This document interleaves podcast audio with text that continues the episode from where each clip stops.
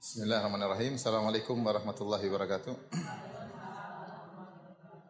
Innal hamdalillah nahmaduhu wa nasta'inuhu wa nastaghfiruhu wa natubu ilaihi wa na'udzu billahi anfusina wa min sayyiati a'malina may yahdihillahu fala mudilla lahu wa may yudlil fala hadiyalah. Asyhadu an la ilaha illallah wahdahu la syarika lah wa asyhadu anna Muhammadan abduhu wa rasuluhu la nabiyya ba'dah. يا أيها الذين آمنوا اتقوا الله حق تقاته ولا تموتن إلا وأنتم مسلمون فإن أصدق الحديث كتاب الله وخير الهدى هدى محمد صلى الله عليه وسلم شر الأمور محدثاتها وكل محدثة بدعة وكل بدعة ضلالة وكل ضلالة في النار Hadirin dan hadirat yang dirahmati oleh Allah Subhanahu wa taala. Alhamdulillah puji dan syukur senantiasa kita panjatkan kepada Rabbul Alamin, penguasa alam semesta ini yang mengatur segala perkara. Tidak ada suatu pun yang terjadi di alam semesta kecuali di atas kehendaknya. Salawat dan salam semoga tercurahkan selalu kepada junjungan kita, suri teladan kita, pemberi syafaat bagi kita Nabi Muhammad sallallahu alaihi wasallam dan juga pada keluarganya serta seluruh sahabatnya tanpa terkecuali. Sebelum kita masuk dalam kitab yang baru, Kitabul Ilm, ya, adalah uh, kitab yang ketiga setelah kitab Badi'il Wahyi, kemudian Kitabul Iman, dan sekarang Kitabul Ilm. Tadi kita sama-sama tadi siang merasakan ya, gempa yang cukup besar ya. Alhamdulillah ya. Uh, tidak ada yang kita alami dari musibah atau bencana tapi sebagian saudara-saudara kita mungkin mengalami kerusakan atau musibah ya. Namun memberikan teguran bagi kita ya. Sungguhnya ya, tidak ada yang pernah menduga kapan gempa terjadi. Tidak ada seorang pun yang prediksi kapan gempa terjadi. Dan kebanyakan gempa-gempa yang terjadi di alam semesta demikian. Ya. Badan meteorologi mungkin hanya memprediksi misalnya ada letupan gunung, sudah ada tanda-tanda yang sangat nyata, mereka mengingatkan mungkin akan terjadi gempa. Tapi gempa-gempa yang terjadi di seantero dunia ini, baik di tanah air maupun di luar negeri, di negara-negara yang canggih, negara-negara yang memiliki teknologi yang modern, mereka tidak bisa memprediksi. Kalau Allah berkehendak, maka Allah jadikan gempa. Dan dengan terjadinya gempa, bisa saja kita dicabut nyawanya oleh Allah Subhanahu wa taala. Alhamdulillah hari ini kita selamat ya, teguran dari Allah Subhanahu wa taala agar kita kembali kepada Allah Subhanahu wa taala. Allah yang telah berfirman, "Wa ma asabakum min musibatin fabima kasabat aydikum wa ya'fu an katsir." Tidak ada suatu musibah yang menimpa kalian kecuali akibat perbuatan kalian dan Allah memaafkan banyak kesalahan kalian. Oleh karenanya kita mengingatkan diri kita dan mengingatkan kaum muslimin tentang teguran-teguran Allah Subhanahu wa taala, berarti Allah masih sayang sama kita, masih menegur kita.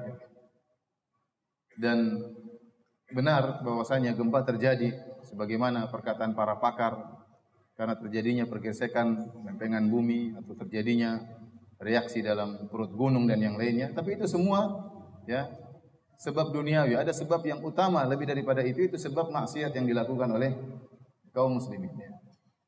Semua musibah yang menimpa kita, ya, maksiat dilakukan oleh kaum muslimin atau sebagian kaum kaum muslimin.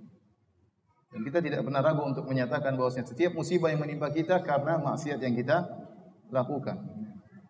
Oleh karenanya jangan cuma kita hanya menyampaikan bahwasanya ini karena pergeseran ya lempengan bumi atau karena ada gejolak alami ya. Tapi jangan kita memutuskan bahwasanya itu hanya sekedar perkara duniawi tidak. Perkara duniawi tersebut terjadi karena ada sebab yang lain. Karena sebab ya, kemaksiatan yang dilakukan oleh kita. Oleh karenanya kita harus kembali kepada Allah Subhanahu wa taala dan para ulama telah menjelaskan jika terjadi gempa kita banyak-banyak istighfar kepada Allah Subhanahu wa taala. Semoga Allah Subhanahu wa taala menyelamatkan kita dan juga menyelamatkan kaum muslimin ya dan berikan pahala bagi saudara-saudara kita yang mungkin terkena sebagian musibah akibat gempa tersebut. Baik hadirin dan hadirat yang Allah Subhanahu wa taala kita masuk dalam Kitabul Ilm dibuka oleh Al Imam Al Bukhari dengan bismillahirrahmanirrahim. Yang pertama bab Fadlil ilm, bab tentang keutamaan ilmu.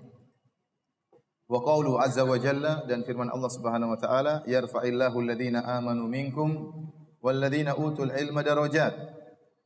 Allah Subhanahu wa taala mengangkat, niscaya Allah mengangkat orang-orang yang beriman di antara kalian dan orang-orang yang diberi ilmu beberapa derajat. Wallahu bima ta'maluna khabir. Sungguhnya Allah Maha mengetahui apa yang kalian lakukan ya. Ayat pertama ini menjelaskan keutamaan orang yang berilmu. Jadi orang yang beriman dan orang yang berilmu Allah angkat derajatnya. Tetapi orang yang beriman plus ilmu diangkat beberapa derajat dibandingkan orang yang beriman tanpa ilmu. Jadi orang yang beriman diangkat derajatnya oleh Allah dan orang yang berilmu beriman plus ilmu beberapa derajat. Oleh karena dalam hadis yang sahih Rasulullah SAW mengatakan, "Fadlul alim 'alal 'abid Kafadil qamari ala sairil kawakib. Keutamaan seorang yang berilmu dibandingkan orang yang ahli ibadah seperti keutamaan rembulan dibandingkan dengan seluruh bintang. Ya, kenapa? Karena rembulanlah yang memberi penerangan kepada penghuni bumi, yang memberi petunjuk jalan kepada penghuni bumi. Adapun bintang, maka dia bercahaya tapi cahayanya untuk dirinya sendiri. Maka satu rembulan masih lebih afdal daripada jutaan bintang. Maka satu orang yang alim yang memberi penerangan kepada masyarakat, yang menjelaskan yang benar dan memperingatkan dari yang buruk lebih afdal daripada banyak ahli ibadah yang mereka ibadahnya untuk mereka sendiri. Ya, oleh karenanya tatkala kita kehilangan ulama maka sangat terasa ya. Kita bingung bertanya kepada siapa ilmu mereka, mereka pergi dengan ilmu mereka ya. Oleh karenanya ya, ilmu memiliki keutamaan yang sangat besar bahkan satu orang ahli ilmu lebih afdal daripada banyak ahli ibadah sebagaimana sebuah rembulan, ya satu rembulan lebih baik daripada ribuan bintang. Jadi orang yang beriman diangkat derajatnya, orang yang beriman plus berilmu diangkat beberapa derajat. Kemudian ayat yang kedua yang dibawakan oleh Imam Al-Bukhari tentang keutamaan ilmu, firman Allah wa qur rabbi zidni ilma. Dan katakanlah ya Rabbku tambahkanlah ku ilmu. Kata para ulama, Allah tidak pernah memerintahkan nabi untuk minta tambahan. Ya, dalam Al-Qur'an tambahan apa pun kecuali tambahan ilmu. Kecuali tambahan ilmu. Ya. Ini menunjukkan bahwasanya ilmu adalah perkara yang sangat penting karena Allah menyuruh Nabi meminta tambahan ilmu. Demikian juga sebagaimana nanti akan datang kisah tentang Nabi Musa alaihissalam ya. Tatkala Nabi Musa mengetahui ada Nabi Khadir yang lebih berilmu, maka dia pun pergi ke Nabi Khadir dan berkata hal attabi'uka ala an tu'allimani mimma 'ullimta rusyda. Nabi Musa minta izin kepada Nabi Khadir untuk belajar menambah ilmu untuk dirinya. Ya, jadi seorang berusaha untuk menambah ilmu sedikit demi sedikit, ikut pengajian, mendengar materi dengan baik, berusaha untuk memahami dengan baik karena menuntut ilmu adalah ibadah. Saya sering sampaikan, ibadah bukan cuma salat, bukan cuma baca Quran, ya. Nuntut ilmu Anda datang melangkahkan kaki dari rumah menuju masjid, duduk di majelis ilmu, berusaha mendengarkan dengan baik, mencatat dengan baik, memahami dengan baik, ini semua adalah ibadah. Sebagaimana kita merasa baca Quran merasa dapat pahala, maka kita hadir di majelis ilmu juga kita merasa dapat pahala. Ya. Dan ayat-ayat yang menjelaskan tentang keutamaan ilmu sangat banyak. Ini di antara dua ayat yang dijelaskan oleh Imam Al-Bukhari rahimahullah taala. Ada beberapa ayat yang lain yang menjelaskan tentang keutamaan ilmu. Di antaranya seperti firman Allah Subhanahu wa taala, ya. Syahidallahu annahu la ilaha illahu wal malaikatu wa ulul ilmi qa'iman bil qist. Kata Allah Subhanahu wa taala surat Ali Imran, Allah bersaksi bahwasanya tidak ada yang berhak disembah kecuali Allah. Kemudian malaikat juga bersaksi dan ahli ilmu juga bersaksi. Di sini Allah sedang berdalil tentang suatu yang sangat agung yaitu tauhid la ilaha illahu. Tidak ada yang berhak disembah kecuali Allah Subhanahu wa taala. Untuk membenarkan dan memperkuat la ilaha illallah Allah memberikan persaksian Allah. Syahidallah Allah bersaksi. Kemudian untuk memperkuat hal tersebut Allah menggandengkan persaksian Allah dengan persaksian malaikat. Wa malaikatuhu dan malaikat juga bersaksi. Dan untuk memperkuat hal tersebut Allah gandengkan lagi dengan persaksian para ulama wa ulul ilmi dan para ahli ilmu juga bersaksi. Subhanallah betapa mulia ya. Persaksian yang digandengkan dengan persaksian Allah itu persaksian para ulama, digandingkan dengan persaksian malaikat dan digandingkan dengan persaksian Allah Subhanahu wa taala. Ini menunjukkan keagungan para pemilik ilmu, para ulama karena persaksian mereka dijadikan dalil, dijadikan argumentasi oleh Allah untuk memperkuat la ilaha illallah.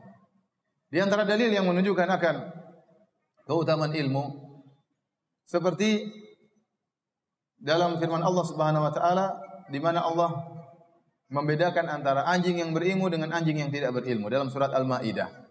Kata Allah Subhanahu wa taala, "Yas'alunaka madza uhilla lahum." Qul uhilla lakum at-tayyibat wa ma 'allamtum minal jawarihi mukallibina tu'allimunahunna mimma 'allamakumullah. Fakulu mimma amsakna alaihi. Kata Allah Subhanahu wa taala, mereka bertanya kepada engkau tentang apa yang dihalalkan bagi mereka. Katakanlah bahwasanya dihalalkan bagi kalian perkara-perkara yang baik dan hasil buruan anjing-anjing yang telah kalian ajari. Jadi kalau anjing sudah diajari, al-kalbul muallam, anjing yang sudah diajari, kemudian pemiliknya mengucapkan bismillah, kemudian menangkap hasil buruan, maka hasil buruannya halal. Karena yang menangkapnya adalah anjing yang sudah dia ajari, anjing yang alim. Adapun kalau anjing yang bahlul, kemudian berburu hewan, maka hasilnya haram. Hasilnya haram. Kenapa anjing tersebut bodoh, tidak diajari? Ya, maka Allah membedakan antara hasil buruan anjing yang berilmu dengan hasil buruan anjing yang tidak berilmu. Anjing yang berilmu hasil buruannya halal, anjing yang tidak berilmu hasil buruannya haram. Nah, kalau Allah membedakan antara anjing berilmu dengan anjing tidak berilmu, bagaimana lagi antara manusia berilmu dengan manusia tidak berilmu? Maka Allah menegaskan dalam surat Az-Zumar, "Qul hal yastawi alladziina ya'lamuna wal la ya'lamun?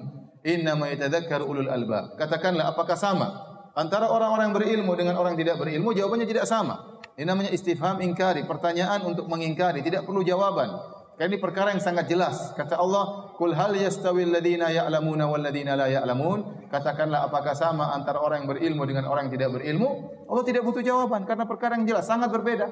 Orang berilmu tidak sama dengan orang tidak berilmu dalam segala hal, dalam ibadahnya, ya dalam akhlaknya, ya dalam tutur katanya, ya dalam perilakunya, ya dalam pahala, dalam surganya, semuanya berbeda ya, maka tidak akan sama antara yang berilmu dengan orang-orang yang tidak berilmu. Di antara ayat yang menjelaskan tentang keutamaan ilmu, Allah menggandengkan antara menuntut ilmu dengan berjihad di jalan Allah Subhanahu wa taala. Kata Allah Subhanahu wa taala, "Maka al-mu'minuna liyanfiru kaffah." Falaula nafara min kulli firqatin minhum ta'ifatul liyatafaqahu fid din Waliyunziru qaumam idza raja'u ilaihim la'allahum yahdharun. Kata Allah tidak pantas seluruh mukminin kaum mukminin untuk keluar berjihad seluruhnya. Hendaknya ada sebagian orang yang bertafakuh fid din belajar agama. Untuk apa? Untuk memperingatkan kaumnya kalau pulang kepada mereka agar mereka waspada. Jadi Allah menggandengkan orang-orang yang berjihad kata Allah jangan seluruhnya berjihad harus ada yang menuntut ilmu. Ya, di sini Allah menggandengkan antara menuntut ilmu dengan berjihad. Oleh karenanya banyak perkataan para ulama mengatakan bahwasanya nuntut ilmu adalah jihad, terutama di jalan di zaman sekarang ini. Karena jihad ada dua, jihad bisinan, jihad dengan menggunakan pedang, ya. Kemudian jihad bil qalam dengan menggunakan pena, dengan tulisan, dengan dakwah. Dua-duanya jihad yang diperhitungkan dalam syariat. Jihad yang pertama, jihad dengan pedang, jihad dengan senjata, tidak setiap saat bisa kita lakukan. Ada persyaratannya. Ya. Ada persyaratannya, tidak semudah yang kita bayangkan, ya. Sehingga tidak selalu ada kondisi berjihad dengan pedang. Tidak selalu ada kondisi berjihad dengan senjata. Tetapi kalau jihad dengan ilmu, maka bisa kita lakukan setiap saat. Terutama di zaman sekarang ini, betapa banyak orang-orang bisa masuk Islam karena tersebarnya ilmu. Bukan dengan pedang, bukan dengan senjata. Islam berkembang luar biasa di negara-negara Eropa, di negara-negara non Muslim berkembang luar biasa. Kita lihat dengan mata kepala sendiri bagaimana banyak gereja-gereja ya yang dijual dibeli oleh kaum muslimin. Ya. Banyak yang dibeli oleh kaum kaum muslimin. Menunjukkan geliat perkembangan pertumbuhan kaum muslimin di negara-negara non muslim luar biasa. Banyak orang hampir setiap saat ada orang masuk Islam. Setiap hari ada orang masuk masuk Islam. Karena mereka menemukan agama yang indah. Dengan apa? Dengan membaca. Dengan membaca, dengan belajar. Ya. Oleh karenanya, ya, jihad dengan dakwah juga sangat penting. Makanya Nabi SAW diperintahkan oleh Allah untuk berjihad dengan ilmu. Dalam surat Al-Furqan kata Allah Subhanahu wa taala, Fala tuti'il kafirina wajahidhum bihi jihadan kabira. Kata Allah, hai Muhammad, janganlah kau taat kepada orang-orang kafir. Dan jihadlah mereka bihi bil ilm, yaitu dengan bil Quran. Jihadlah mereka dengan Al-Quran, dengan jihad yang besar. Ayat ini, kata para ulama, adalah surat Makkiyah, ayat Makkiyah. Diturunkan waktu Nabi masih di Mekah. Dan kita tahu di fase Mekah belum ada jihad fisabilillah. Allah hanya memerintahkan Nabi untuk berjihad dengan ilmu. Karena jihad dengan pedang baru diwajibkan tatkala Nabi berhijrah ke kota Madinah, tatkala kondisi kaum muslimin sudah kuat, baru diwajibkan jihad. Waktu Nabi di Mekah, Allah mewajibkan kepada Nabi jihad dengan cara yang lain, itu jihad dengan ilmu. Maka Allah berkata, "Wajahidhum bihi jihadan kabira." Maka jihadlah mereka dengan Al-Qur'an, dengan jihad yang besar. Allah menamakan melawan orang-orang kafir dengan dalil dinamakan dengan jihad yang besar. Dengan jihad yang besar mematahkan argumentasi-argumentasi orang-orang kafir. Maka jangan ragu bahwasanya menuntut ilmu, mendakwakan ilmu adalah sebuah perjuangan, ya. Apalagi di zaman sekarang ini kebanyakan peperangan bukan peperangan dengan fisik, tapi dengan ya dengan dalil. Syubhat-syubhat tersebar di sana sini, syubhat-syubhat dihembuskan oleh orang kafir, oleh orang-orang ateis. Ya, kita butuh ilmu untuk membantah syubhat-syubhat tersebut. Kita perlu ilmu untuk ya menyerang mereka dengan dalil agar mereka ya terpatahkan dalil mereka dan agar orang-orang yang jahil di antara mereka bisa mengenal Islam dan masuk Islam. Ya. Karenanya para ulama menjelaskan di antara orang-orang yang berhak menerima zakat adalah para dai. Ini pendapat sebagian ulama. Ya karena di antara delapan asnaf yang berhak menerima zakat kata Allah wa fi sabilillah ya yaitu orang-orang yang berjihad di jalan Allah. Ulama mengatakan termasuk para dai yang mereka konsentrasi untuk berdakwah ya terkadang di antara mereka ada yang kesusahan ya.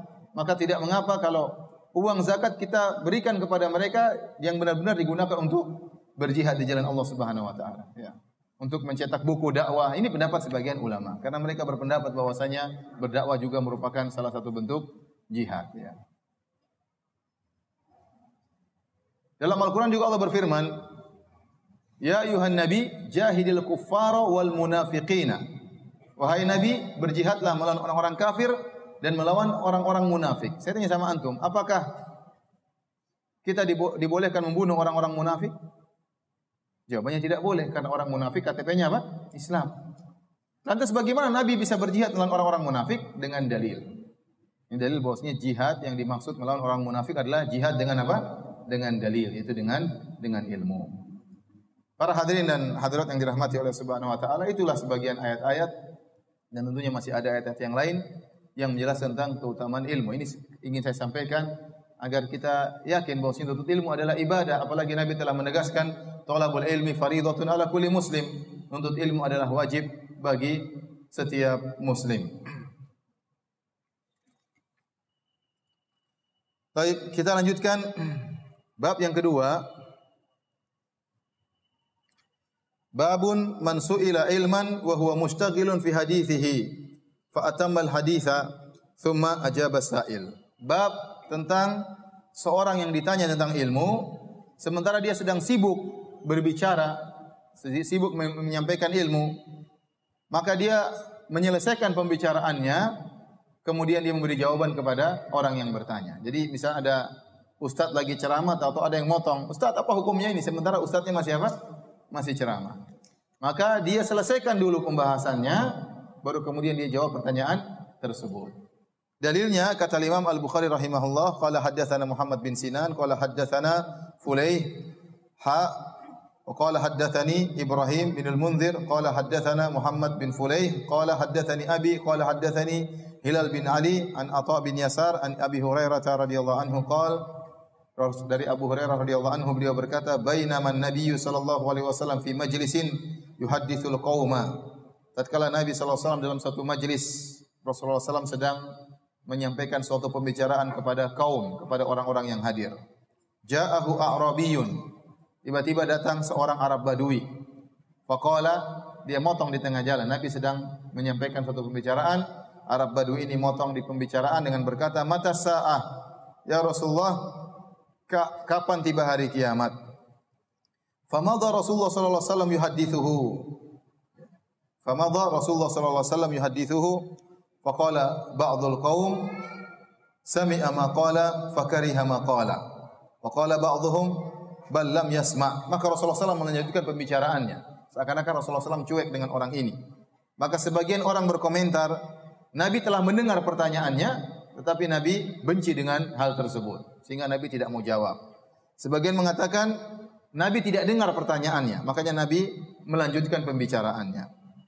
Hatta idza qadha hadithahu qal. Sampai setelah Nabi selesai dari pembicaraannya, maka Nabi berkata, "Aina urahu as-sailu anis saah?" Mana tadi mana tadi yang bertanya tentang hari kiamat?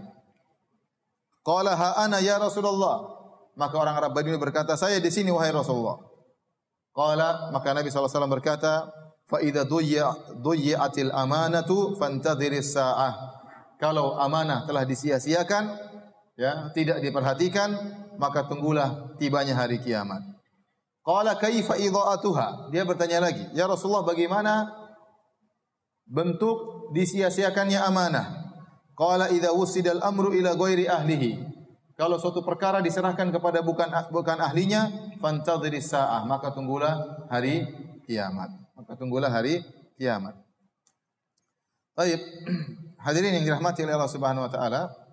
Jadi hadis ini mengajarkan ya, menceritakan kepada kita Nabi suatu saat sedang uh, berbicara, menyampaikan pembicaraan, menyampaikan hadis atau menyampaikan pengajian. Tiba-tiba ada seorang Arab Badui yang nyeletuk di tengah jalan, memotong pembicaraan Nabi. Ya Rasulullah, kapan hari kiamat? Ya. Sudah motong tengah jalan, pertanyaan juga aneh, kapan hari kiamat? Ya. Dan ini bukan kebiasaan para sahabat. Kalau kita tahu ternyata ini Arab Badui, maka ini kita tidak heran ya. Karena Arab Badui memang begitu ya. Mereka ya datang tahu-tahu tanya ya. Tahu-tahu tanya ya. Makanya disebut dalam riwayat para sahabat senang kalau ada Arab Badui yang datang ya. Karena para sahabat kalau bertanya sama Nabi mereka malu ya. Mereka segan bertanya kepada Nabi. Tapi Arab Badui asal nyeletuk ya. Asal nanya ya. Nabi sudah mendengar dan ini adab yang kurang bagus. Orang sedang berbicara kemudian nyeletuk di tengah jalan. Ya. Tetapi Nabi SAW tahu ini orang Arab Badui. Maka Nabi bermuamalah dengan cara yang lain. Ya.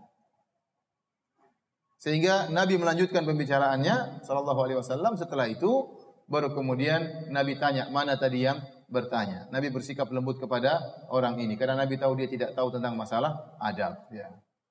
Ya seharusnya ditegur ini salah tidak boleh begitu motong pembicaraan ini perkara yang tidak benar ya saya lagi konsentrasi kenapa kau potong tidak tapi Nabi SAW karena lembut kepada orang Arab Badui dia tahu ini orang ini Arab Badui. Seandainya mungkin bukan Arab Badui mungkin Nabi tegur. Tapi karena ini Arab Badui maka Nabi tidak tegur. Bahkan Nabi beri jawaban kepada Arab Badui tadi meskipun dia salah kurang adab waktu bertanya kepada Nabi Shallallahu Alaihi Wasallam. Pertanyaannya apa? Kapan hari kiamat? Ya. kapan hari kiamat? Tentunya Nabi tidak tahu kapan hari kiamat. Tetapi Nabi sebutkan di antara tanda-tanda hari kiamat, tanda-tanda kecil hari kiamat. Kita tahu bahwasanya tanda-tanda hari kiamat ada dua, ada tanda-tanda besar hari kiamat dan ada tanda-tanda kecil hari kiamat.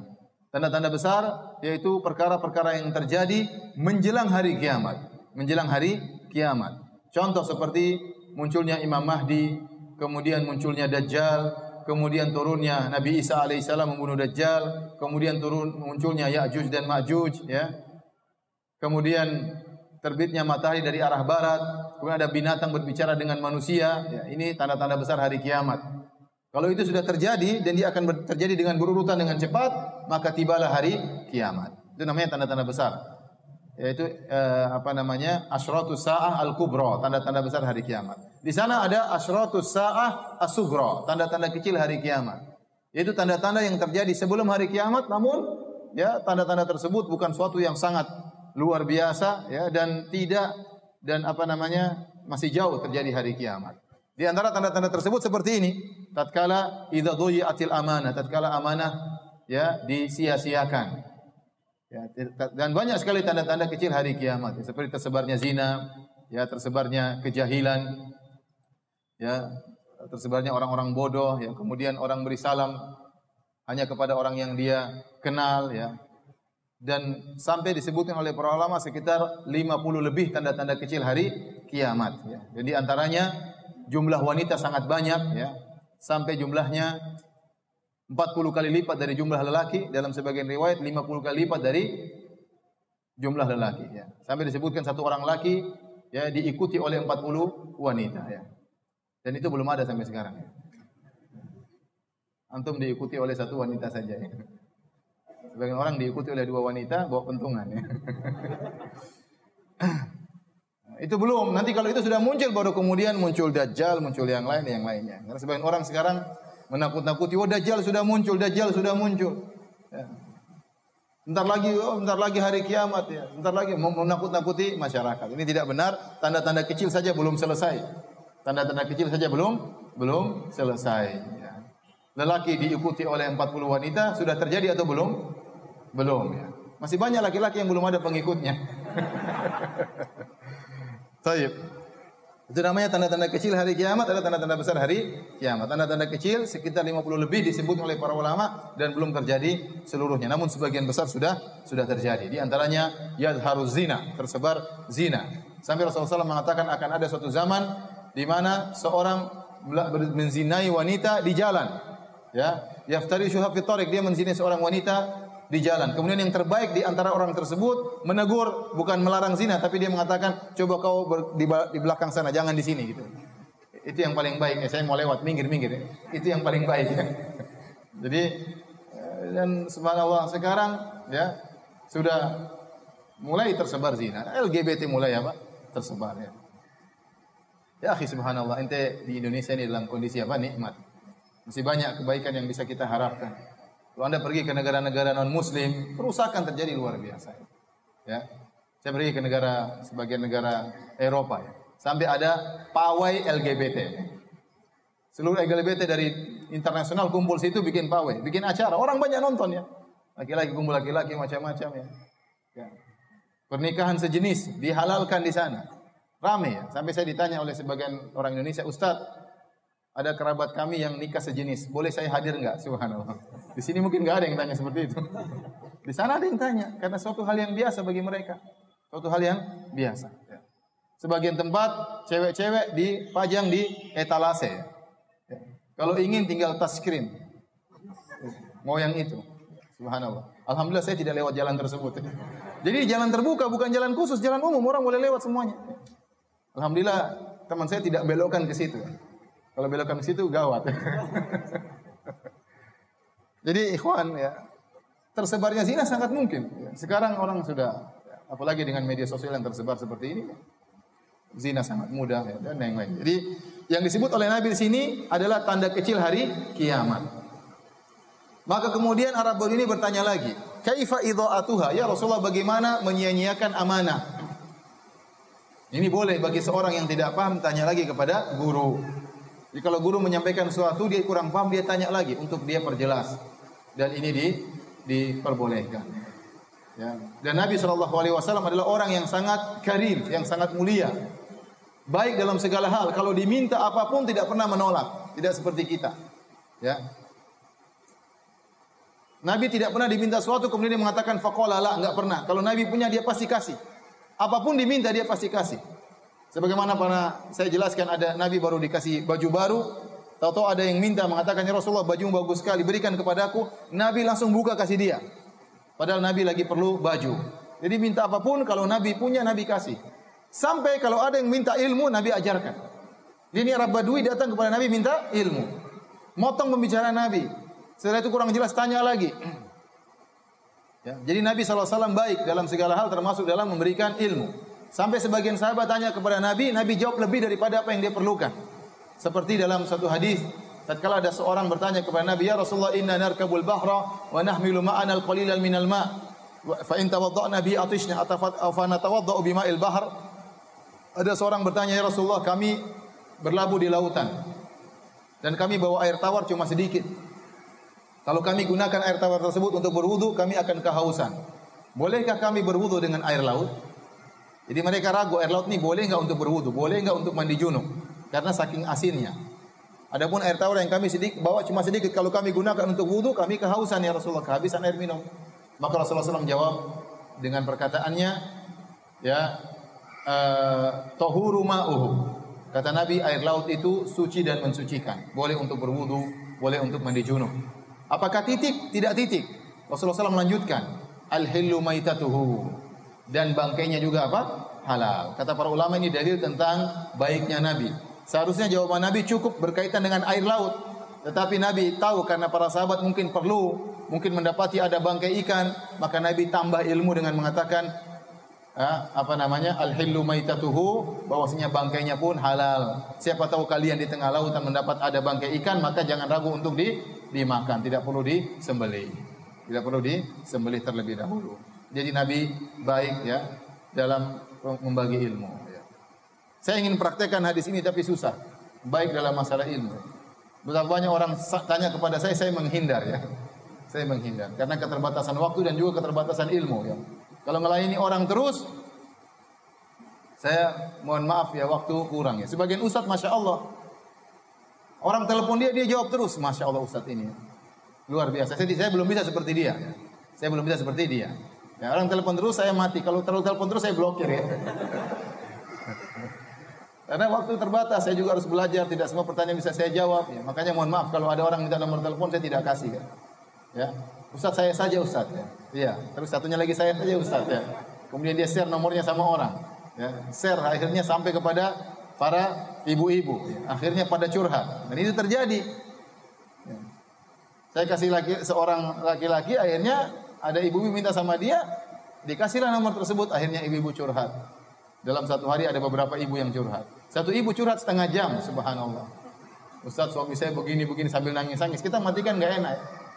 Kita matikan nggak nggak enak. Jadi adapun Nabi SAW kapan dia punya waktu dia kasih sama sama para sahabat. Sangat dermawan, bahkan dermawan dalam masalah ilmu. Bukan cuma harta dia dermawan. Waktu dia dermawan, ada uh, ada orang yang agak terganggu otaknya membawa tangan Nabi kemudian diajak berkeliling kota Madinah Nabi biarkan tangannya dibawa oleh orang tersebut. Ya. dermawan waktu dermawan harta dermawan ilmu. Inilah kesempurnaan Rasulullah sallallahu alaihi wasallam. Kita belum bisa ya meniru Nabi sallallahu alaihi wasallam dengan baik. Kemudian dia bertanya kaifa idha'atuha? Bagaimana menyia-nyiakan amanah? Maka Nabi mengatakan idza wusidal amru ila ahlihi. Jika perkara diserahkan disandarkan kepada yang bukan ahlinya ila ghairi ahlihi kepada bukan ahlinya fantadhiri sa'a maka tunggulah hari kiamat. Itu sudah terjadi sekarang. Banyak perkara-perkara diserahkan kepada bukan ahlinya. Ya penerimaan pekerja karena nepotisme misalnya sebenarnya tidak ahlinya tapi diangkat. Sebenarnya bukan ahlinya tapi diangkat dijadikan ya pemimpin atau dijadikan pegawai bukan ahlinya itulah tanda-tanda hari hari kiamat.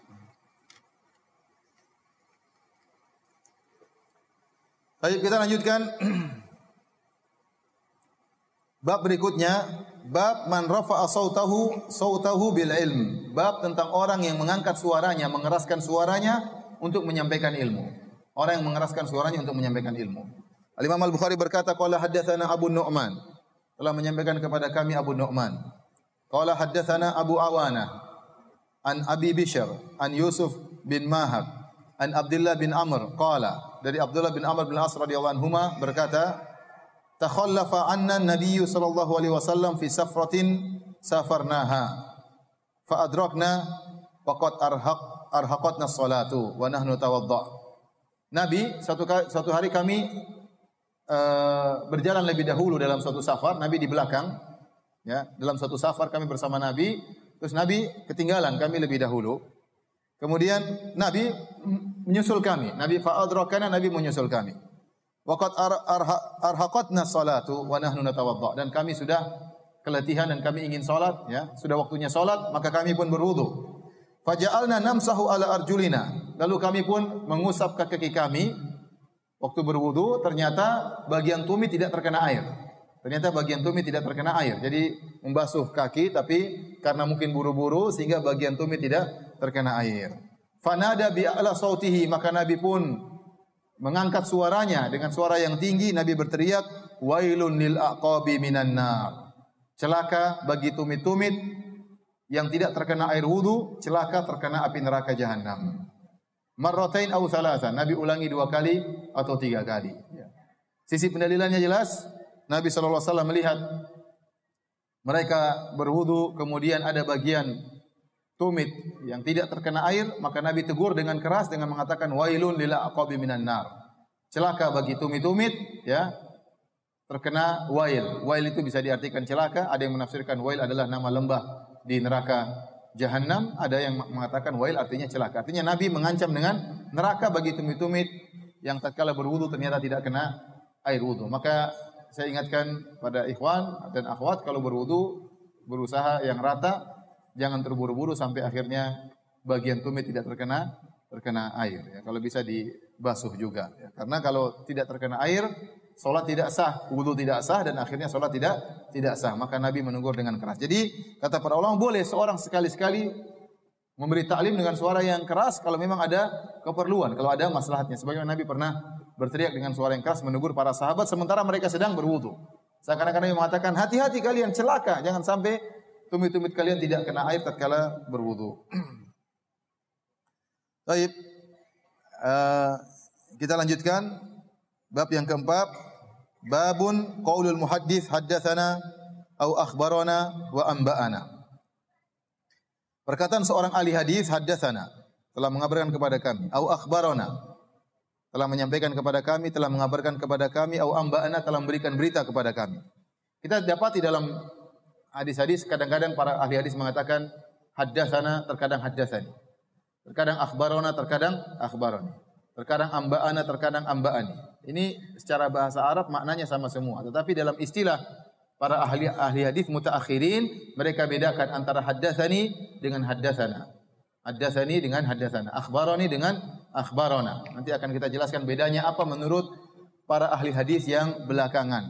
Tetapi secara penggunaan bahasa akhbarona dan haddatsana dan amba'ana maknanya sama, artinya sama-sama menyampaikan kepada kami memberi kabar kepada kami tidak ada bedanya.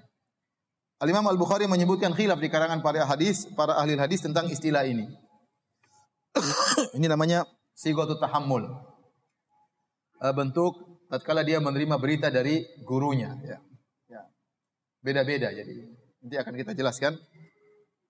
Wa Al-Humaidi Al-Humaidi berkata, "Kana inda Ibnu Uyainah haddatsana wa akhbarana wa amba'ana wa sami'tu wahidan. Menurut Ibnu Uyainah, perkataan para ahli hadis haddatsana atau akhbarana atau amba'ana atau sami'tu saya mendengar maknanya sama saja.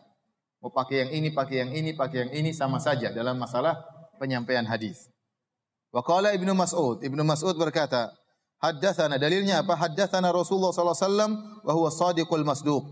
Sungguh Rasulullah SAW telah menyampaikan kepada kami dan dia adalah yang benar dan dibenarkan. Di sini Ibnu Mas'ud menggunakan kalimat haddatsana telah menyampaikan kepada kami.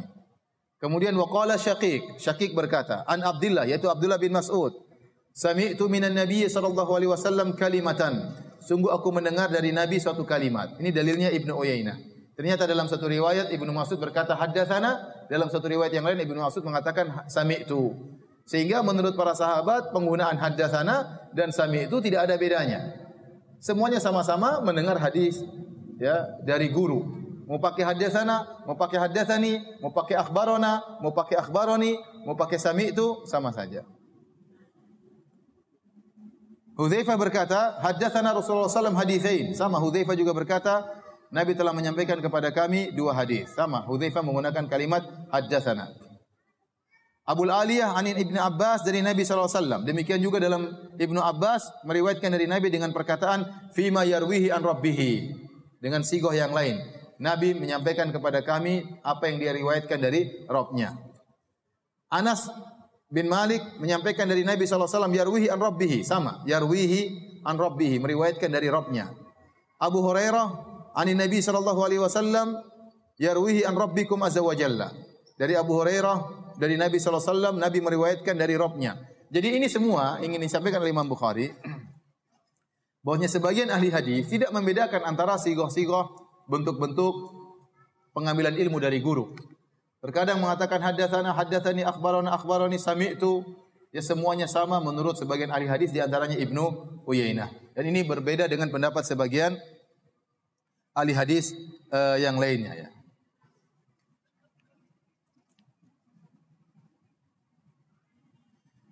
Saya sebutkan ya, dan ini pendapat uh, banyak ahli hadis ya.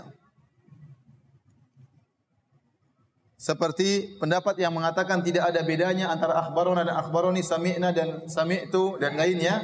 Ini pendapat Zuhri, kemudian Imam Malik, Ibnu Uyainah, Yahya Al-Qattan dan banyak ulama yang ulama hadis yang lainnya. Di antara mereka ada yang membedakan seperti mereka mengkhususkan haddatsana atau haddatsani itu kalau dia mendengar gurunya berbicara langsung. Jadi waktu majelis tahdis, majelis hadis, sang guru membacakan. Haddatsani an fulan an fulan an fulan an fulan an fulan an dari dari Nabi sallallahu alaihi wasallam Rasulullah SAW bersabda. Dia mendengar langsung dari Nabi. Eh, dia mendengar langsung dari gurunya. Jadi yang menyampaikan hadis gurunya kemudian dia catat atau dia hafalkan itu namanya haddatsani telah menyampaikan kepadaku guruku. Saya kasih gambaran.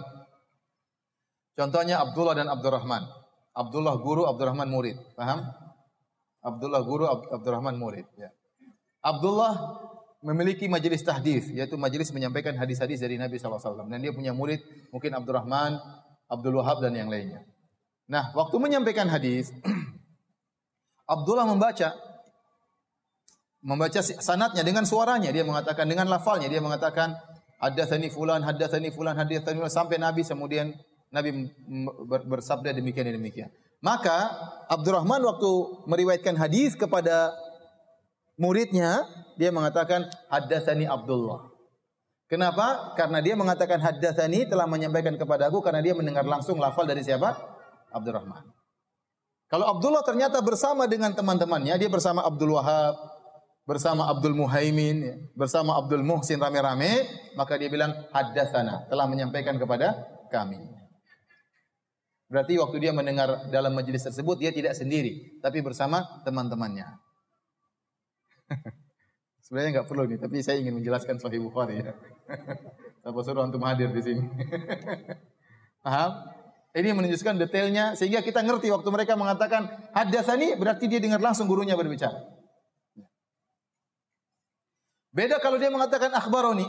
Akhbaroni itu bagaimana? Akhbaroni ya. Misalnya dia baca atau ada yang baca kepada gurunya. Jadi ada orang baca di hadapan gurunya, ada sana fulan yang suara bukan suara dari bukan suaranya Abdullah, tapi ada pembaca misalnya Abdul Wahab, dia bacakan bacakan riwayat dari gurunya, gurunya cuma Nah, benar. Benar ya. Maka itu tidak boleh bilang haddatsani. Tapi bilang apa? Akhbarona atau akhbaroni. Ini cuma pembedaan mereka ya.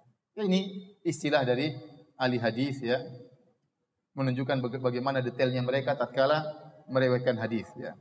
Ini istilah yang terjadi di ahli hadis mutaakhirin. Adapun para sahabat dahulu mereka tidak membedakan antara haddatsana, akhbarona, hanya muncul pembedaan tersebut di ahli hadis belakangan untuk agar lebih detail. Karena perkataan sami itu lebih kuat daripada dibacakan. Kata mereka, haddatsani kalau syekh yang ngomong langsung lebih kuat daripada sekedar dibacakan ke depan syekh, syekhnya bilang na'am. Na'am khawatirnya syekh ngantuk, Paham? Ini sekedar saya ingin jelaskan bagaimana para ulama dahulu mereka detail. Sehingga terkadang kita dapati dalam sanad haddatsani, terkadang haddatsana, terkadang sami itu, terkadang akhbaroni, terkadang akhbarona untuk menjelaskan cara mereka menerima hadis dari gurunya itu berbeda-beda. Tidak satu model. Kalau sami itu semakin apa? Semakin kuat. Kalau haddatsani semakin kuat, berarti dia berdua dengan syekhnya. Tapi kalau akhbaroni berarti syekhnya dibacakan, syekhnya membenarkan. Ini menurut mereka lebih ringan. Ya. Lebih lebih kurang kuat, lebih kuat kalau mendengar langsung dari syekh. Tapi, tapi semuanya adalah sahih. Beda kalau an. Kalau an, ya ini masih mengandung banyak kemungkinan. Dalam sebagian riwayat an dari. Ya. Apakah dia dengar langsung? Apakah dia dengar melewati perantara? Ya. Maka ini derajatnya lebih rendah lagi daripada hadas ini daripada akhbaroni. Tapi kita lanjutkan. Masih ada 6 menit ya. Bab yang kelima, bab tarhul imam al-mas'alata ala ashabihi liyakhtabira ma indahum minal ilm. Oh ada mohon maaf, ada hadis berikutnya. Kelewatan hadis ke-61. Uh, Al-Imam Al-Bukhari berkata qala haddatsana Qutaibah telah menyampaikan kepada kami Qutaibah qala haddatsana Ismail bin Ja'far an Abdullah bin Dinar an Ibnu Umar Qala dari Ibnu Umar qala Rasulullah sallallahu alaihi wasallam Rasulullah SAW bersabda, Inna minasyajari syajaratan la yasqutu waraquha. Sungguhnya di antara pepohonan ada sebuah pohon daunnya tidak pernah gugur. Wa innama mislul muslim, tapi pohon tersebut seperti perumpamaan seorang muslim. Fahadithuni ma hiya. Sampaikanlah kepadaku pohon apakah itu? Kata Ibnu Umar, fawaqa'an nasu fi syajaril bawadi. Maka orang-orang pikiran mereka kepada pohon-pohon yang ada di lembah-lembah. Qala Abdullah berkata Ibnu Umar, waqa'a fi nafsi annaha nakhlah terbetik dalam hatiku pohon yang dimaksud oleh Nabi adalah pohon korma. Fastahya itu, namun aku malu. Sama qalu ya, haddatsana haddatsana mahya ya Rasulullah. Kemudian summa qalu kemudian mereka berkata, hadisna mahya ya Rasulullah, sampaikan kepada kami apa pohon tersebut wahai Rasulullah.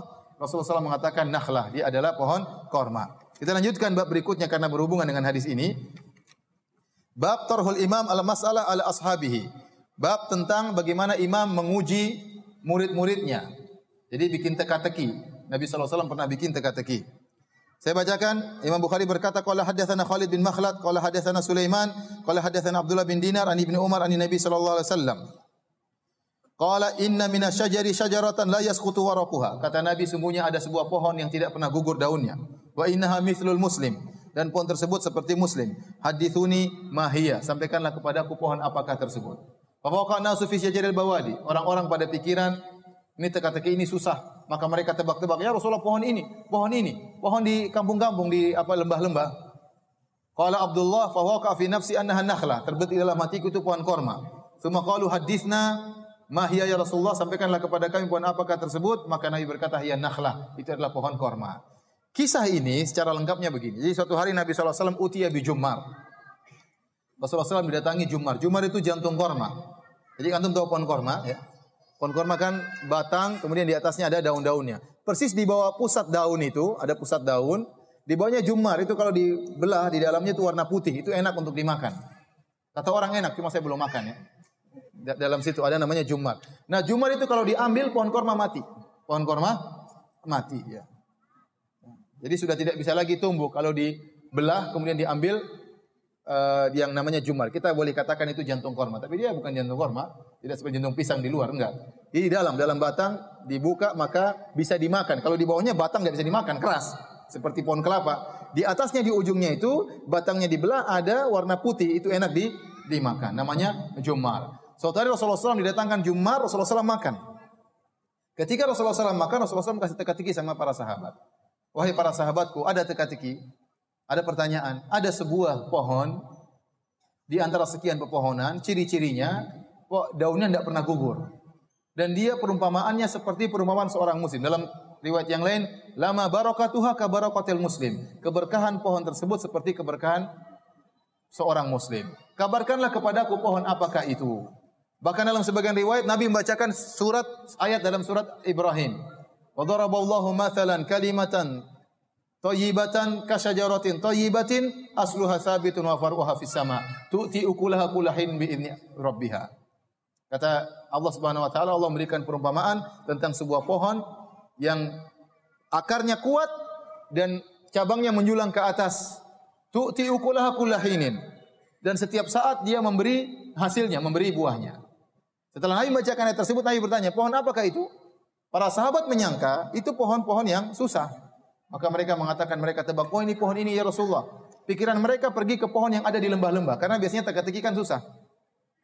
Ternyata teka-tekinya gampang. Oh Nabi lagi makan korma. Para sahabat pergi ke pohon-pohon yang lain. Kata Ibnu Umar, "Fawaqa fi nafsi annaha nakhla." Maka terbetik dalam hatiku itu adalah pohon korma. Tetapi kata Ibnu Umar, "Fa idza ana asgharul qaum," saya lihat-lihat ternyata saya yang paling muda di antara yang hadir. Saya enggak enak mau ngomong. Yang lain sudah tua-tua semua, nggak ada yang jawab. Salah-salah lagi jawabannya. Terus kata kata Ibnu Umar ada Abu Bakar dan ada ayahku, ada Abu Bakar ada Umar. Wa huma lam yatakallama. Ternyata dua-dua orang ini pun tidak jawab. Abu Bakar dan Umar cuma diam saja. Ibnu Umar ingin jawab tapi dia nggak enak. Setelah itu baru Nabi para sahabat tidak bisa jawab. Para sahabat mengatakan hadithuni mahia. Ya Rasulullah kalau gitu pohon apa? Kata Rasulullah SAW pohon korma. Pohon korma. Ini dalil boleh kasih ujian, boleh kasih ulangan ya untuk mengetahui ya eh, setingkat mana ya kepintaran atau kebahlulan. Jadi ini boleh. Waktu sudah habis ya. Habis sholat isya insya Allah kita Lanjutkan sebentar dan tanya jawab. Bismillahirrahmanirrahim. Assalamualaikum warahmatullahi wabarakatuh. Alhamdulillah salatu wassalamu ala Rasulillah wa ala alihi wa sahbihi wa mawala. Kita lanjutkan sedikit lagi tentang pembahasan kita dari bab yang kelima ya, yaitu bab tentang seorang imam pemimpin menyampaikan pertanyaan kepada teman-temannya atau pada pengikutnya untuk menguji ilmu mereka, untuk menguji ilmu mereka. Saya katakan tadi inilah yang dijadikan dalil oleh sebagian ulama tentang boleh adanya ujian sehingga mengetahui kemampuan murid-murid kita atau mengetahui kemampuan uh, anak didik kita sehingga dengan mengetahui kadar kemampuan mereka kita bisa menyampaikan taklim sesuai dengan nalar mereka. Jadi ujian itu uh, boleh ya. Uh, ini juga dalil ya.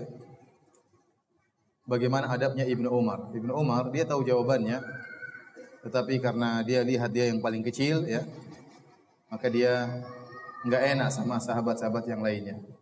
Apalagi bapaknya ada, Abu Bakar juga ada, bapaknya itu Umar bin Khattab ada, Abu Bakar dan mereka berdua tidak menjawab. Yang lain sudah jawab-jawab tapi salah-salah semua ya. Ya, tapi karena dia tahu dia masih paling kecil, maka dia tidak enak sama yang tua-tua, maka dia pun tidak menjawab sebagai ada penghormatan terhadap yang lebih uh, tua. Ya. Jadi kalau kita misalnya dalam majelis ternyata ada yang lebih tua dari kita, ada yang lebih senior dari kita, maka kita biarkan yang senior lebih dahulu apa? Berbicara. Meskipun terkadang kita punya ilmu. Nanti kalau mungkin yang lain sudah tidak berbicara, baru mungkin kita yang junior uh, berbicara ya.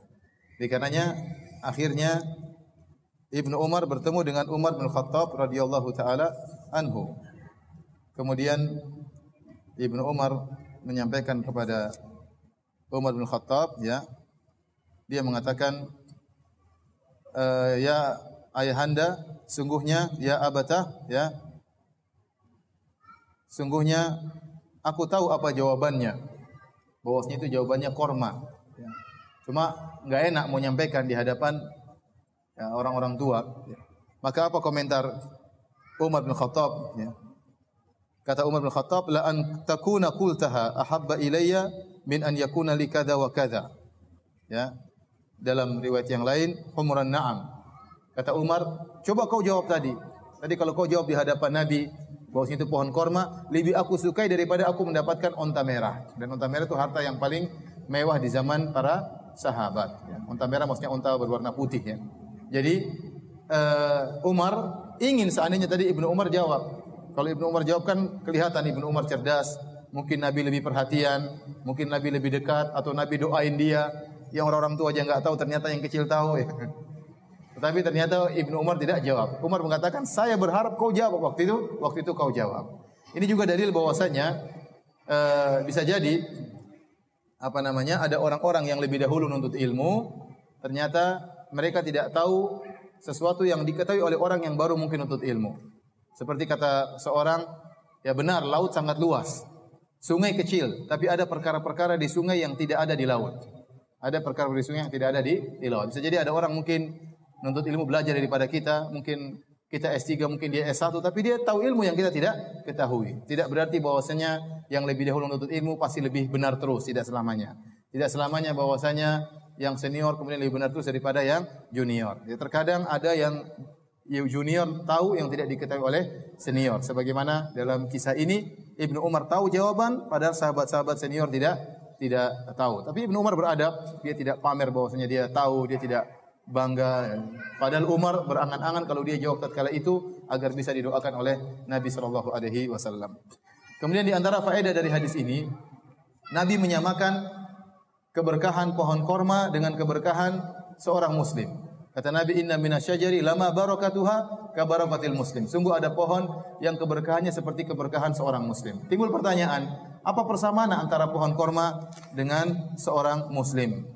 Maka sebagian ulama menjelaskan ya bahwasanya di antara kesamaan antara pohon korma dengan manusia dengan seorang muslim saya bacakan penjelasan Ibnu Hajar ya di antaranya korma itu kalau dipotong kepalanya mati pohon lain terkadang dipotong atasnya belum mati tapi kalau korma diambil jumarnya pasti Jumar yang tadi yang di atas itu kalau dipotong kepalanya pasti pohon tersebut mati. Sama dengan manusia. Kalau dipotong tangannya belum mati, potong kepalanya jelas tidak akan hidup ya. Jadi beda dengan pohon yang lain. Pohon yang lain mungkin kita potong atasnya dia masih bisa tumbuh lagi. Jadi korma mirip dengan manusia. Kemudian di antaranya korma itu tidak bisa berbuah kecuali kalau dikawinkan. Kecuali kalau dikawinkan sebagaimana manusia tidak bisa punya anak kecuali kalau dikawinkan. Kemudian juga korma itu kalau tenggelam kena air dia mati. Oh, manusia juga kalau tenggelam mati. Kemudian korma itu dan ini yang paling menakjubkan, serbuknya itu baunya seperti bau air mani. Serbuk korma itu kalau dicium seperti bau serbuk air mani. Korma yang jantan. Ada serbuknya, kalau dicium baunya seperti bau air mani. Dan ini para pekebun korma ngerti semuanya. Kemudian korma ternyata dia punya perasaan. Di sini sebutkan kata Ibnu Hajar di annaha ta'syak. Dia terkadang apa namanya kangen atau rindu. Enggak tahu maksudnya apa ya. Tapi kata saya pernah diceritain sama orang yang pakar korma, dia mengatakan korma itu punya perasaan. Kalau kamu sikapi dia dengan dia dengan ini tidak baik, dia ngambek, tidak mau berbuah. Tidak mau berbuah seperti manusia. Ini semua persamaan tidak ada kaitannya dengan hadis yang kita baca. Ini pendapat sebagian ulama. Ini persamaan apa maksudnya? Memang benar pohon korma serbuknya seperti bau air mani, tapi bukan itu yang dimaksud oleh Nabi. Karena ia mengatakan keberkahan korma seperti keberkahan seorang muslim. Dari mana sisi? Dari sisi sisi mana? Dari sisi pohon korma itu semuanya bermanfaat. Dari batangnya, dari daunnya, dari buahnya, dari bijinya, seluruh bagian korma bermanfaat, tidak yang terbuang-buang. Kemudian kata Allah, tu'ti ukulaha kulahirin biidni amri biidni rabbiha. Dan korma senantiasa mengeluarkan buahnya setiap saat.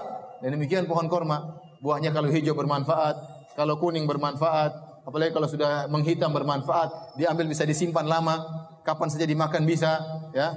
Semuanya bagian dari pohon korma bermanfaat. Maka demikianlah seorang muslim harusnya berkah seperti pohon korma. Di mana pun dia berada, hendaknya dia memberi manfaat kepada dirinya atau memberi manfaat kepada orang lain. Ya, makanya tadi saya bacakan tentang Nabi Isa alaihissalam dia berkata, "Wa ja'alani mubarakan aina ma kuntu." Allah menjadikan aku berkah di mana pun aku berada. Banyak ahli tafsir mengatakan karena Nabi Isa di mana-mana dia selalu memberi taklim. Keberkahan Nabi Isa dari sisi dia memberi apa? Taklim, pengajaran kepada murid-murid di mana pun dia berada dia sering memberi ceramah, memberi pengajaran. Maka Allah mensifati dia dengan uh, keberkahan. Maka seorang berusaha memberi berkah bagi dirinya, memberi manfaat bagi dirinya, memberi manfaat kepada orang lain dan sebaik-baik orang adalah yang paling bermanfaat bagi manusia. Kata Nabi sallallahu alaihi wasallam, khairukum anfa'ukum linnas. Sebaik-baik kalian adalah yang paling bermanfaat bagi orang lain, ya. Jadi kita berusaha, kita pun berada di mana, di mana pun kita berada, di rumah kita beri manfaat kepada anak istri, kalau bertemu dengan sanak saudara, kerabat, kakak, adik, ada manfaat yang kita sumbangsikan kepada pada mereka dengan silaturahmi, dengan senyum kepada mereka, dengan memberi taklim kepada mereka, memberikan buku, ya, meng-share link-link yang bermanfaat atau kita kasih sebagian harta kita kepada mereka. Kalau di masyarakat kita juga bermanfaat. Kita mungkin punya ide yang bagus kerja bakti dan yang lainnya. Pokoknya kita berusaha di mana pun kita berada bermanfaat. Itu namanya manusia yang berkah. Seperti pohon korma senantiasa berkah memberi buahnya setiap saat. Dan anehnya pohon korma ini kata Nabi tadi latas kutu warokuha. Nabi sebutkan ciri yang khusus. Pohon korma itu daunnya tidak pernah gugur dan benar. Kita tahu angin kalau berada di Arab Saudi, angin begitu kencang. Tapi tidak ada daun korma yang gugur, nggak ada. Kalau pohon-pohon yang lain daunnya apa?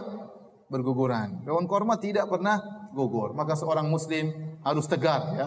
Tidak mudah gugur ditempa dengan apa? Cobaan ya. Harus tabah dalam menghadapi segala cobaan. Yakin kalau Allah memberikan kita cobaan karena Allah tahu kita bisa menghadapi cobaan tersebut. Maka Allah berikan cobaan tersebut kepada kepada kita. Tapi demikian para hadirin hadirat yang dirahmati Allah Subhanahu wa taala uh, materi yang kita sampaikan pada kesempatan malam hari ini insyaallah kita lanjutkan lagi uh, Selasa depan uh, di waktu yang sama ya. Selanjutnya kalau ada pertanyaan kita coba jawab. Ana minta didoakan agar dimudahkan untuk meminang seorang yang ana senangi. Semoga Allah mudahkan ya. Jangan lupa nanti malam salat malam ya, bangun berdoa kepada Allah ya Allah mudahkanlah pinanganku ya Allah. Namun kendalanya keluarga belum mengizinkan karena alasan ana dan fulana masih kuliah. Doakan semoga Allah bukakan pintu-pintu hati kedua orang tua. Semoga cepat lulus kuliah. Biar cepat menikah. Kasihan ya. Ditunda-tunda pernikahan itu penderitaan. Ya. Saya kemarin Ditanya sama orang, Ustadz, uh, malam Senin saya ditanya, Ustadz ya, saya menikah, sudah saya tentukan hari pernikahan, tahu-tahu ada orang kerabat yang mengatakan, jangan, itu hari bukan hari beruntung, tunda saja. Bikin sial seperti ini, sudah menikah nggak jadi ya. Ya gara-gara tatoyur meyakini bahwasanya ya hari tersebut hari yang tidak mendatangkan keberuntungan. Dia tidak tahu bahwasanya menunda pernikahan itu penderitaan ya. Ini karenanya kalau kita punya kemudahan segera menikah, apalagi di zaman fitnah sekarang ini, ya, apalagi di zaman fitnah, fitnah syahwat yang luar biasa, fitnah wanita yang luar biasa. Jangankan yang belum menikah, yang sudah menikah saja terfitnah, apalagi yang belum belum menikah. Oleh karenanya kalau kita punya uh, adik perempuan atau kita punya anak nanti suatu saat mereka ingin menikah, segera nikahkan, jangan ditunda-tunda. Kalau kita tunda-tunda, ternyata mereka terjerumus dalam sesuatu yang tidak kita inginkan, kita yang bertanggung jawab ya dia sudah kebelet ya terus kita tahan-tahan akhirnya terjerumus dalam perzinahan atau hubungan-hubungan yang terlarang ya atau hal-hal yang lain kita yang berdosa karena kita yang menghalang-halangi Ustadz mohon dijelaskan surat apa tadi yang dibaca pada sholat isya rakaat kedua. Berikut juga maknanya secara garis besar tentang apa artinya. Wah ini buku kajian tafsir ya. tadi surat Maryam tentang kisah Maryam yang uh, mengandung ya, kemudian dia mengandung tanpa suami, Allah tiupkan ruh dalam perutnya, kemudian dia merasa berat, kata dia sebaiknya saya meninggal saja, bagaimana saya bertemu dengan orang-orang sementara saya hamil tidak punya suami. Tidak mungkin saya bisa jelaskan, orang pasti nuduh saya pezina, itu sudah pasti. Ya, Makanya kata Allah sudah kamu nggak usah ngomong, diam aja. Kalau ada yang tanya, percuma dijawab, nggak akan ngerti orang-orang. Mau dijawab ada malaikat turun kasih itu nggak mungkin. Sudah diam aja. Akhirnya Maryam pun diam saja. Dia datang ke kampungnya, ke kampungnya bawa Nabi Isa sudah lahir. Ya. Bayangkan dia selama ini menghilang, orang tahu dia beribadah. Tahu-tahu pulang bawa anak. Apa kata orang? Ente selama ini menghilang ternyata berzina. Ya. Tuduhan yang tidak yang tuduhan macam-macam. Akhirnya dia fa'asyarat ilai coba tanya kepada anak ini. Kata mereka gimana mau tanya sama anak yang masih digendong. Tahu-tahu Nabi Isa ngomong, saya ini hamba Allah. Saya ini seorang nabi. Ya. Allah menyuruh saya untuk sholat, untuk bayar zakat, berbakti kepada ibuku dan seterusnya. Jadi kira-kira uh, secara garis besar ayat yang saya baca. Ustaz, apakah wajib bagi kita menyampaikan sanad saat menyampaikan sebuah hadis, terutama bagi awam? Tidak perlu sampaikan sanad. Itu bukan kebiasaan. Karena sekarang sudah bukan lagi masa periwayatan hadis. Sekarang hadis-hadis semua sudah tertulis. Tidak perlu kita riwayatkan sanad. Kecuali ada hadis yang kita ragukan, kita ingin cek sanadnya sahih atau tidak, maka kita bilang coba sebutkan sanatnya. Saya ingin cek dalam kitab apa supaya kita cek sanatnya sahih atau doif ya dengan dengan ilmu hadis yang sudah dipelajari ya. Tapi kalau kita sampaikan kita tahu hadisnya sahih, maka kita sampaikan saja matan yang nggak jadi masalah. Bagaimana apabila apabila ibu kita melarang kita untuk pergi ke majelis dengan alasan takut dibegal atau kecelakaan? Kalau ternyata memang di situ banyak begal, ya kita nurut sama ibu, jangan pergi. Tapi kalau itu hanyalah sekedar apa namanya ketakutan dari ibu ya. Kita bilang bu insya Allah nggak sekali sekali kita pergi sekali sekali nggak pergi. Ya. untuk menenangkan ibu tuh saya sudah sering pergi nggak ada apa-apa. Kok banyak orang juga yang pergi sama saya ya. Tapi kalau memang situ banyak kejadian sudah jadi begal maka kita jangan pergi. Karena ibu akan jadi apa? Gelisah. Tapi kalau ternyata cuma was-was apalagi hanya sekedar alasan ya maka kita harus pandai-pandai menghadapi orang tua. Ya kita ngaji terkadang enggak terkadang ngaji seperti itu. Jadi uh, biar ibu tidak terlalu sedih Ustadz di zaman now jika semangat menuntut ilmu agama sedang nurun atau down apa yang harus kita lakukan? Namanya iman naik naik dan turun. Semangat sholat naik dan turun. Semangat puasa sunnah naik dan turun. Semangat sholat tahajud naik dan turun. Semangat untuk ilmu juga terkadang naik dan dan turun. Kita harus sadar kalau kita sadar iman kita sedang turun, ya saya katakan segera kita cari komunitas, cari teman-teman yang apa yang yang atau kita ganti suasana ya Ya, jadi bagaimana caranya tetap kita bisa menjaga ya. Sekali-sekali kita istirahat tidak apa-apa. Ya. Ustaz, terkadang saya malas sholat. Ya sudah, kalau kamu lagi malas sholat rawatib, sekali-sekali kau tinggalkan tidak apa-apa. Tapi jangan tinggalkan sholat berjamaah. Yang wajib jangan ditinggalkan. Kalau kita lagi malas ngaji, taruhlah kita setiap hari biasanya kita ngaji, ya sudah. Kali ini seminggu sekali, tidak apa-apa. Kali ini seminggu sekali. Tapi jangan sampai satu minggu lewat kita nggak ngaji. Sekali kita lewat seminggu nggak ngaji, dua minggu ngaji, udah kita bakalan tidak ngaji terus. Jadi ada ada terkadang kita memang lagi malas ya kita tinggalkan. Tapi yang penting-penting jangan kita tinggalkan. Biasanya kita ngaji misalnya seminggu tiga kali, lagi malas ya sudah seminggu sekali. Tapi yang penting kita ngaji seminggu sekali. Jangan sampai seminggu sekali pun tidak tidak ngaji. Karena kita butuh pupuk, ya agar iman kita bisa bertahan. Dan jangan lupa komunitas sangat penting. Ketemu dengan teman-teman, lagi futur, lagi malas, ketemu dengan teman-teman agar jadi semangat lagi.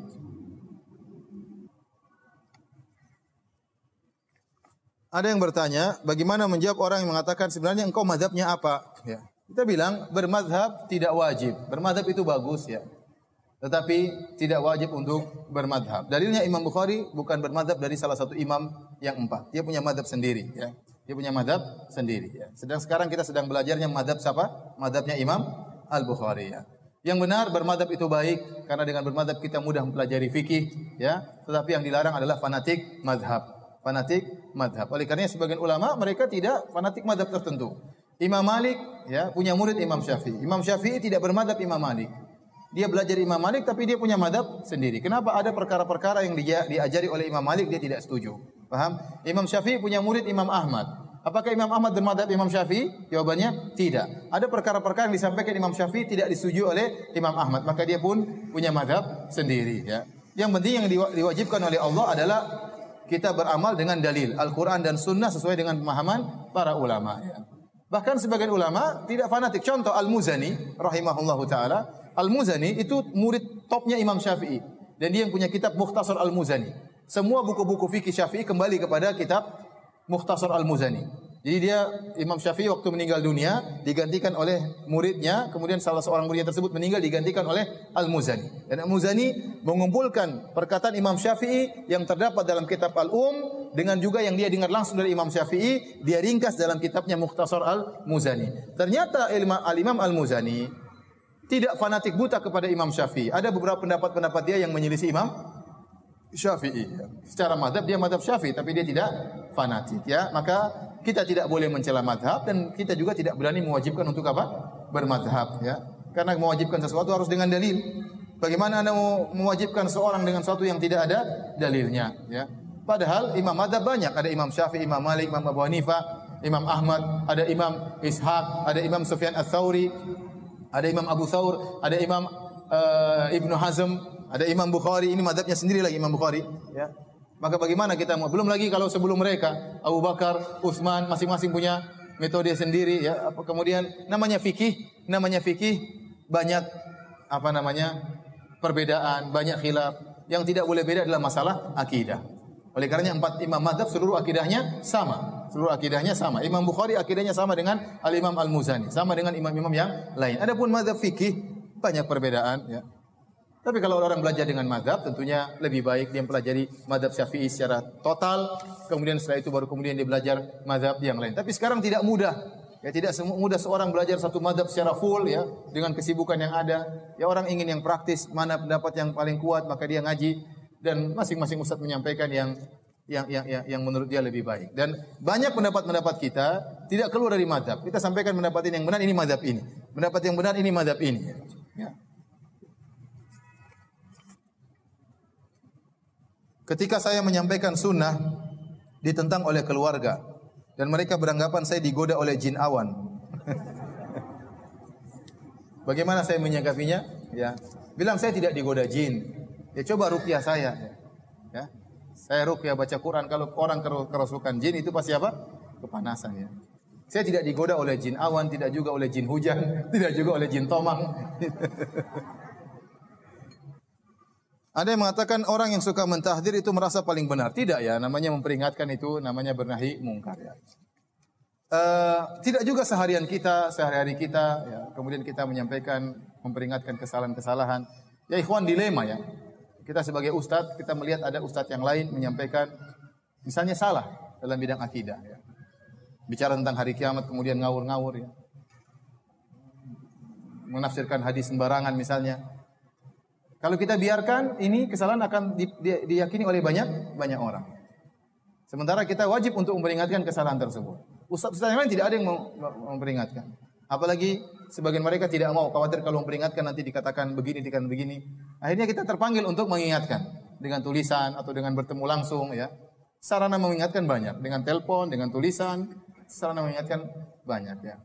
Kalau kita tidak ingatkan kita takut berdosa. Tapi kalau kita ingatkan, ya dituduh yang macam-macam, dituduh merasa benar sendiri. Tidak, kita bukan merasa benar sendiri. Siapa ada isalafi yang merasa paling benar sendiri? Tidak ada. Tapi kita sampaikan itu salah, apalagi kesalahan berkaitan dengan akidah. Kalau masalah fikih, masalah yang yang masalah khilafiyah, kita ngapain kita ribut-ributkan masalah itu.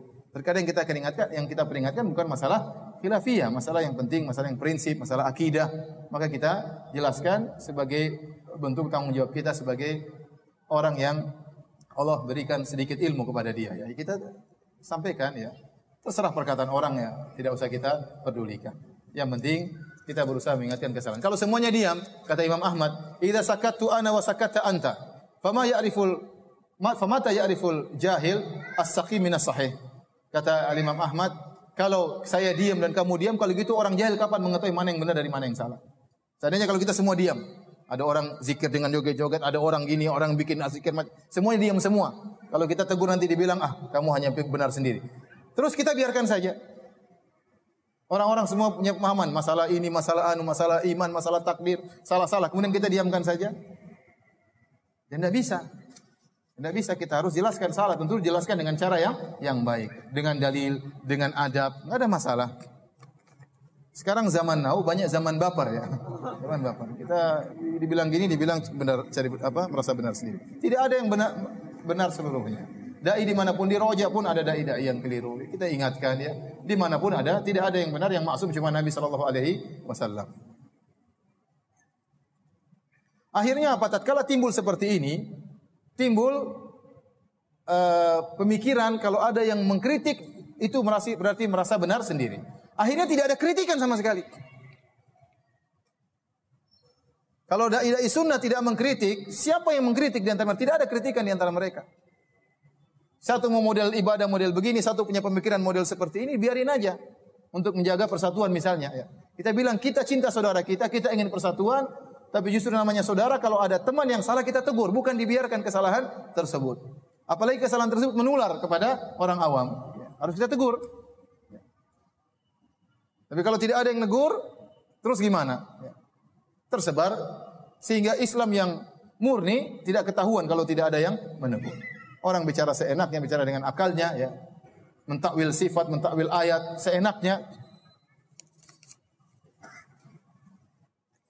Ustadz, Ana mau tanya, bagaimana punya ilmu tapi tidak diamalkan? Amalkan sedikit demi sedikit. Jangan tidak diamalkan sama sekali. La yukallifullahu nafsan illa. Allah tidak membani Allah tidak membani di luar kemampuan seorang hamba. Anda belajar untuk ilmu, pelajari sedikit demi sedikit. Bukan berarti kita belajar ilmu sekarang semuanya kita terapkan. Tidak mampu kita. Tapi mulai ada perubahan sedikit demi sedikit. Selama kita semakin baik, semakin beramal sedikit demi sedikit, maka kita berada di atas kebaikan. Tapi kalau sekedar nuntut ilmu tidak pernah diamalkan, ya itu bahaya. Akan menjadi bumerang bagi kita di akhirat kelak. Demikian saja para hadirin kajian kita. Kurang lebihnya saya mohon maaf.